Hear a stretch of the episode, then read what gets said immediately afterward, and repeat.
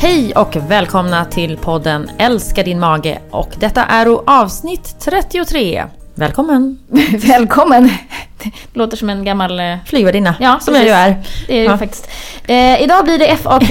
Idag har vi en flygtid på cirka 20 minuter. Ja, blir det snabbt och lätt. Ehm, vanliga frågor och svar kallar vi det här Ja, avsnittet. precis. Ja. Det är så att det kommer så otroligt mycket intressanta frågor och eh, kanske inte lika intressanta svar från oss, höll jag på att säga. Nej, vi försöker att svara så gott vi kan. Mm. Men vi tänkte lyfta några av de frågorna som kommer in idag. Mm. Både som kommer in till oss som man vill att vi ska prata om i podden, men också frågor som kommer via vår hemliga, slutna Facebookgrupp för medlemmar. Mm. Och vi chattar ju även där och vi chattar även på vår hemsida för medlemmar.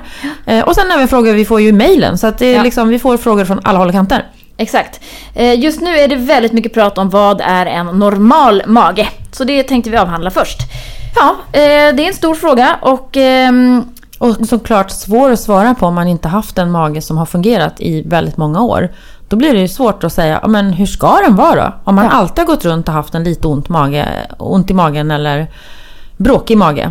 Då är det svårt att veta, vad är en normal mage? Precis, Mm. och den, eh, ens egen normala mage blir ju ens Normal. egen, så att säga. Ja. Den blir normal Mm. i, i ens egen lilla hjärna. Mm, Ja. precis. Eh, Även om den inte är normal. Och normal är ett sånt jävla trist ord, ursäkta mig. Men jag, jag är, har problem med, med så här, ja det är så normalt. Ja. När man gick på BVC med barnen. Ja, det är normalt. Det är så normalt, allt är så normalt. Man bara, jag vill inte ha ett Fast det normalt känns barn. inte som att det är normalt för mig. Det är inte normalt, men eh, vi, vi brukar definiera en, en mage, liksom en, en, den här utopin då, att magen som är fungerar som den ska och inte gör något väsen av sig. Man tänker inte så mycket på magen, den sköter sig som en klocka och så var det inget mer med det. Eh, och det är ju, jag skulle säga att det är, jag tror inte att det är någon faktiskt som har den magen. Inte? väldigt få människor. Ja, i alla fall att man i perioder kan ha, eller att det kan hända att det, den bråkar lite mer eller man känner av den. Ja. Men, eh, men helst vill man ju bara veta när man är hungrig och när man är mätt och när man behöver gå på toaletten. Det är väl de signalerna man behöver ha från sin mage. Exakt. Och har man turen då att bara ha de signalerna så är det ju bara att gratulera. Precis. Mm. Ja. Jag håller inte så länge, ska ni veta. jo då, det gör det. Jo men absolut, det finns ju många som inte tänker på sin mage och inte känner av sin mage utan den fungerar som den ska. Ja, och då blir Absolut. det ju en chock när magen helt plötsligt inte börjar bete sig som den ska. Mm. Då får man ju kanske nästan lite panik. Men, men frågan har kommit upp också relaterat till det här med när man då kanske har genomfört steg ett i vår behandling som heter elimineringsfasen. Och då ska man liksom börja återinföra. Och när vet man när man ska återinföra? Hur bra ska magen bli? Ska magen bli då som man tänker sig att en, en normal frisk mage är? Eh, och då vill, kan vi bara konstatera först att ingen människa har en, en platt och helt tyst mage. För det är ju inte bra åt andra hållet. Utan magen varierar i omfång under dagen. Det är helt naturligt. Och det kan låta och eh, kännas lite grann från magen. Mm. Och alla har gaser. Ja. Alla människor fiser. Ja då. Fast eh, man inte tror det. Nej, Nej. exakt. Även kungen. Även- och drottningen framförallt. Ja, framförallt. Ehm, alltså, då kan man tänka att, att det här pratar vi ofta om, alltså, hur var det från början då? Ja. Ja. man, har, man kanske har en skala då 0 till 10. Ja, men det var 10 värsta tänkbara från början och så har man kört elimineringsfas och kommit ner på 3. Det är ju grymt. Mm. Ja, om det nu är smärta eller uppblåsthet eller vad det är. Eh, ja, och då kanske man har varit väldigt strikt, men man känner att gud, nu har jag verkligen varit jättestrikt här. Ja, och då kanske det är det bästa som du kan nå till med hjälp av kosten. Mm. Och så kanske det är någonting lite stressaktigt som behövs till för att det ska bli eh, bra. Ännu bättre. Och då är det ju läge att börja återinföra Mm. tycker jag. Har man däremot nått ner till en femma kanske på skalan, man känner att äh, men jag har liksom gjort det här med elimineringen lite så här på en, på en höft. Det blev, blev lite fel också. Då kanske man ska ta en funderare och göra det strikt under ett par veckor till och se kan jag bli ännu bättre i magen och vad är min toleransnivå och vad tycker jag är acceptabelt och hur vill jag liksom kunna leva livet för det ska ändå kunna gå att leva på ett, ett vettigt sätt. Mm. Så får man väga. Ja men precis. Mm. Och, och, det, och, och det är ju svårt att ge ett råd och säga så här, så här ska du känna, då ska du göra så här. För det här blir ju, som du säger, ens egen toleransnivå. Vill man eh, kunna äta vissa saker och ta den smällen så får man göra det. Och det, är liksom, det här är, men, men att ge sig tid att, att känna efter och tänka till och, och låta den här tiden gå. Vi säger fyra till sex veckor. Man kanske behöver ta några veckor extra för att liksom hinna känna efter. hur det verkligen är. Eh, inte så dumt. Det, det säger vi ofta, det är ju ingen quick fix utan man får tänka sig att det här är en process som får ta lite tid ibland. Mm. Men det blir ofta väldigt bra om man ger det den tiden. Just. är vår erfarenhet. Mm. Nästa fråga är om gluten. Yes. Eh, relaterat till då i första hand eh, öl faktiskt. Eh, som vi har fått in. Om man hittar någon bra glutenfria öl. Och då sä- tänker vi direkt stopp och belägg. Vem behöver glutenfri öl? Ja, någon som har celiaki eller glutenintolerans. Fine. Men när man har IBS så behöver vi då inte dricka glutenfri öl. Öl är eh, ingen FODMAP från början. Utan de fibrerna försvinner i jäsningen och eh, därför så är det helt okej. Så man behöver inte gå och leta efter glutenfri öl eftersom gluten är proteinet i själva vetekorn och rågkärnan. Ja, och Ja. det kanske tål att upprepas då ännu en gång att FODMAP-kostbehandlingen handlar om att i en period plocka bort sädeslagen, vete, råg och korn. Inte på grund av gluteninnehållet utan på grund av, på grund av innehållet av fibrer. Det är kolhydraterna som jäser, det är de vi vill plocka bort i en period. M- Men det medför att glutenfria produkter ofta fungerar i kostbehandlingen. Eh, för de är gjorda på ett sånt sätt så att de här fibrerna ofta inte är med eller gjorda på andra typer av eh, sädeslag som då gör att det fungerar. Just det. Vi säger slarvigt ibland att det är en glutenfri kost. Vi menar ju egentligen då att det är en kost som är fri från vetekorn och råg. Precis, för havre går ju bra för där är fibrerna okej. Så att det är ju godkänt. Men det här tror jag vi kan säga många gånger för det här är lite klurigt. Ehm, så det upprepar vi ännu en gång. Än en gång. Sen eh, en fråga till då relaterat till det är ju det här med läckande tarm. Om man har det, man har IBS, är det liksom samma sak? Eh, och då kan vi slå fast att ehm, det vet man inte riktigt. Vi vet att när man har eh, Crohns och ulcerös kolit, som är de inflammatoriska tarmsjukdomarna, då har man en, eh, en ökad genomsläpplighet eh, i tarmslemhinnan. Eh, vilket betyder att det kan komma in saker i vårt system som inte ska vara där.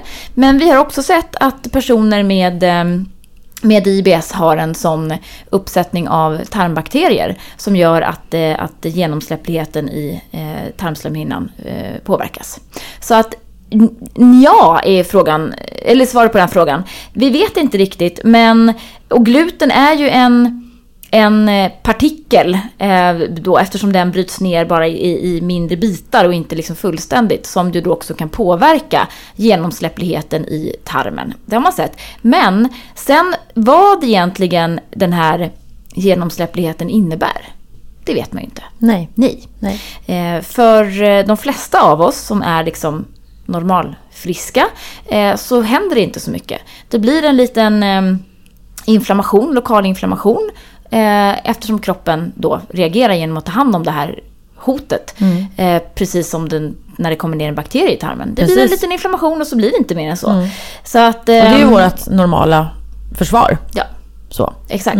Så vill man stötta upp tarmen där då, eh, i, i, eh, om man tänker på en IBS och man kanske har lite, lite sammansättning av tarmbakterier som kanske inte är, är helt gynnsamt för genomsläppligheten, så är det mer fibrer, mer prebiotika som gäller eh, för att stötta upp. ehm, Rätt typ av fiber. Ja, precis. Eh, och eh, det kan ju vara havre och det kan vara edamamebönor och det kan vara konserverade linser och kiwi och, banan och en massa andra saker.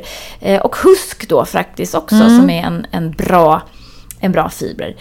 Och på så sätt kan man då öka tillväxten av de goda tarmbakterierna och öka sammansättningen mellan tarmcellerna i tarmslemhinnan så att inte de släpper igenom saker. Precis. Ja. Och husk är detsamma som fusilliumfröskal, ska vi tillägga. Exakt.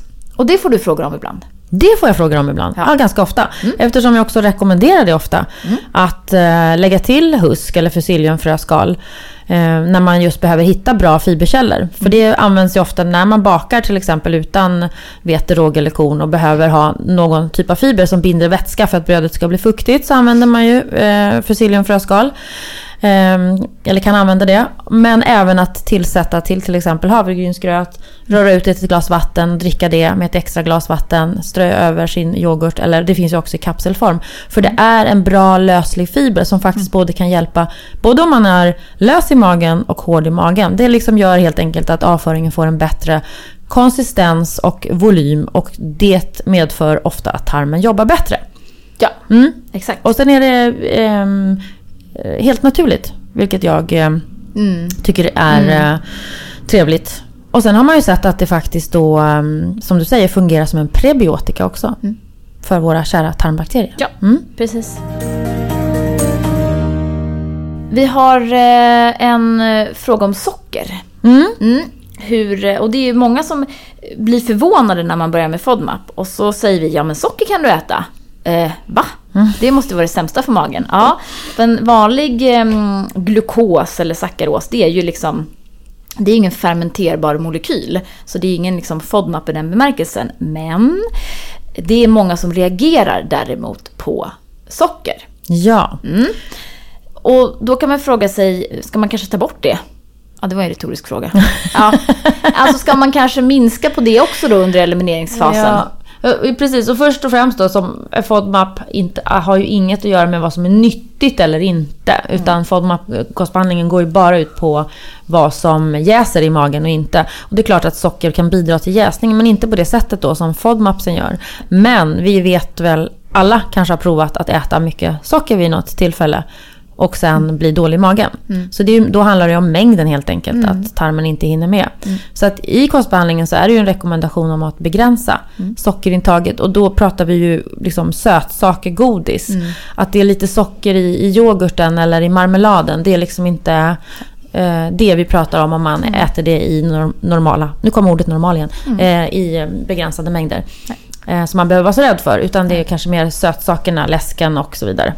Precis, som och man får större, större mängd. Större mängd, precis. Eh, det är väl det.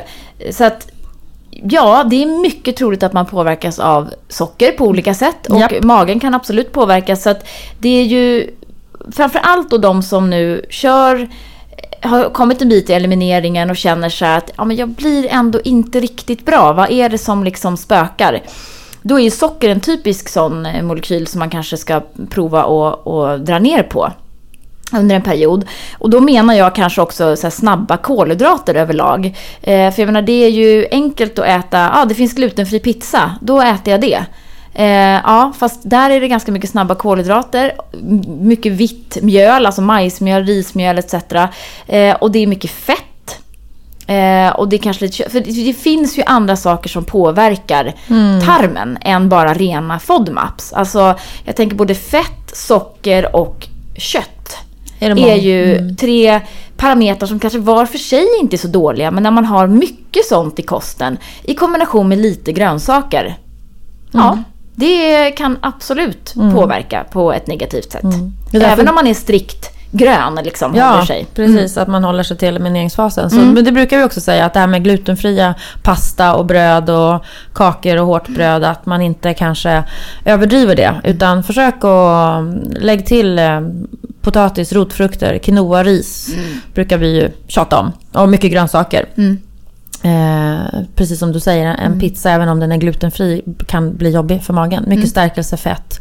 Mm. Eh, och många reagerar ju också på fett, det vet vi ju. Många mm. reagerar på fett, framförallt de med, med snabbare magar. Mm. Eh, och, eh, och köttet faktiskt också. Mm. Det är inte jätteovanligt att man hör folk som tar bort rött kött och känner att man mår mycket bättre direkt mm. i magen. Så att ehm, det är ju ingenting som är farligt att prova. Nej. Så kan vi säga. Så kan vi säga. Utan det är fritt fram och, och laborera. När man ändå har kommit en bit i elimineringen och man känner att nu har jag lite koll på det här läget. Då kan man ju dra det ett snäpp längre. Mm. Så att säga. Mm.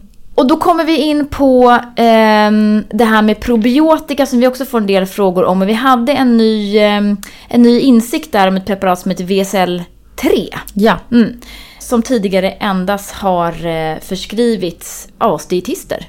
Har det varit så? Jag är inte ja, helt säker på det. det. Men den har ju inte funnits... Um, den har funnits i andra länder, utomlands har den ju funnits ett tag. Och jag vet att eh, när vi har varit på eh, vidareutbildning i FODMAP på, i London så har ju de dietisterna där pratat om det här preparatet. Mm. Att de använder det och rekommenderar det. Mm. Och nu har det då kommit till att man kan beställa det hos mm. Apotea. Just det. Har vi sett. Det är ett ganska dyrt preparat. Mm. Eh, det är tio kapslar bara. Och vi brukar ju i ett paket. Och vi brukar rekommendera att man ska försöka prova ett par månader en probiotika för att kunna utvärdera den. Mm. Och den är ganska stark. Det är ganska, det är ganska mycket bakterier i den. Mm. Om man säger så. Mm. Så att ett, ett förslag var ju om man vill testa att börja ta en, en tablett varannan dag till att mm. börja med. Mm. Eh, och eventuellt trappa upp då till en om dagen och, och köra det i en, i en period Ja. på ett par månader. Exakt. Och det är många olika eh, stammar i den här. Mm. Nu ska jag bara se så att jag inte säger för mycket. För att jag, eh, jag ska titta på, på innehållet här på en gång. Eh, men den här är ju väldigt väl utvärderad när det gäller ulcerös kolit. Mm. Det finns otroligt mycket evidens på, på den här. Och det är då 450 miljarder, Miljarder. Observera, eh, eh, levande mjölksyrabakterier då, från åtta olika stammar. Det är ju helt Alltså den är verkligen... man kan absolut ta den här varannan dag utan att eh, känna att eh, det blir för lite. Så kan man säga. Den är dyr men, men ta och fördela ut den då i så fall. Det är dospåsar så man kan faktiskt också ta mindre mängd om den ska förvaras i, i kylen. Just det. Och probiotika kan man ju, äter man det när man börjar med elimineringen så kan man fortsätta med det. Men vi kan ju, vi brukar ofta säga att det är bra att eh, inte börja när man har börjat med eliminering. Nej, precis. Att, mer att, inte, att inte börja och, och sluta med massa saker samtidigt så Mm. får man svårt att utvärdera. Precis. Men att lägga till kanske längre fram. Mm. Och vissa tillskott innehåller ju då prebiotika i form av inulin och eh, frukt och oligosackarider eller oligofruktos. De tycker vi att man kan eh, hoppa över och ta de här rena preparaten istället Japp. för tarmen. Sen får vi också en del frågor om magnesium. Um, och eh, magnesium är ju enligt mig ett bra tillskott för de flesta människor. Uh, vi vet att uh, vi inte får i oss tillräckligt via kosten. Uh, mitt, mitt absoluta superlivsmedel här är ju pumpafrön. Mm. Har en låda Ja, här. du har en liten låda Mm. vid sidan Ja. av. Ja. Det sitter jag och, eh, och tuggar på lite då och då och jag brukar ha det till ehm, Ja men i gröten och i filen och mm. sallader, Sallader, och jättegott. rosta på. Ja. Man kan lägga det på vad som Så helst. gott. Mm. Ja, verkligen. Det är bra magnesium. Eh, men vi behöver också eh, oftast ta tillskott och då finns det lite olika sorter. Eh, som då, eh, en del som är laxerande som är väldigt fina att ta om man då eh, har en, en tarm som är lite slö. Och det är magnesiumoxid och magnesiumcitrat som är mest laxerande. Och då kan man ju köpa tillskott som är ren, ren magnesiumoxid till exempel. Men då ska vi komma ihåg att biotillgängligheten som man pratar om, det vill säga upptaget av magnesium i kroppen, eh, är väldigt dåligt på de här därför att det, är, det går ut i tarmen istället och laxerar tarmen. Och då tar vi ju inte upp det i kroppen. Just. Naturligt. Mm.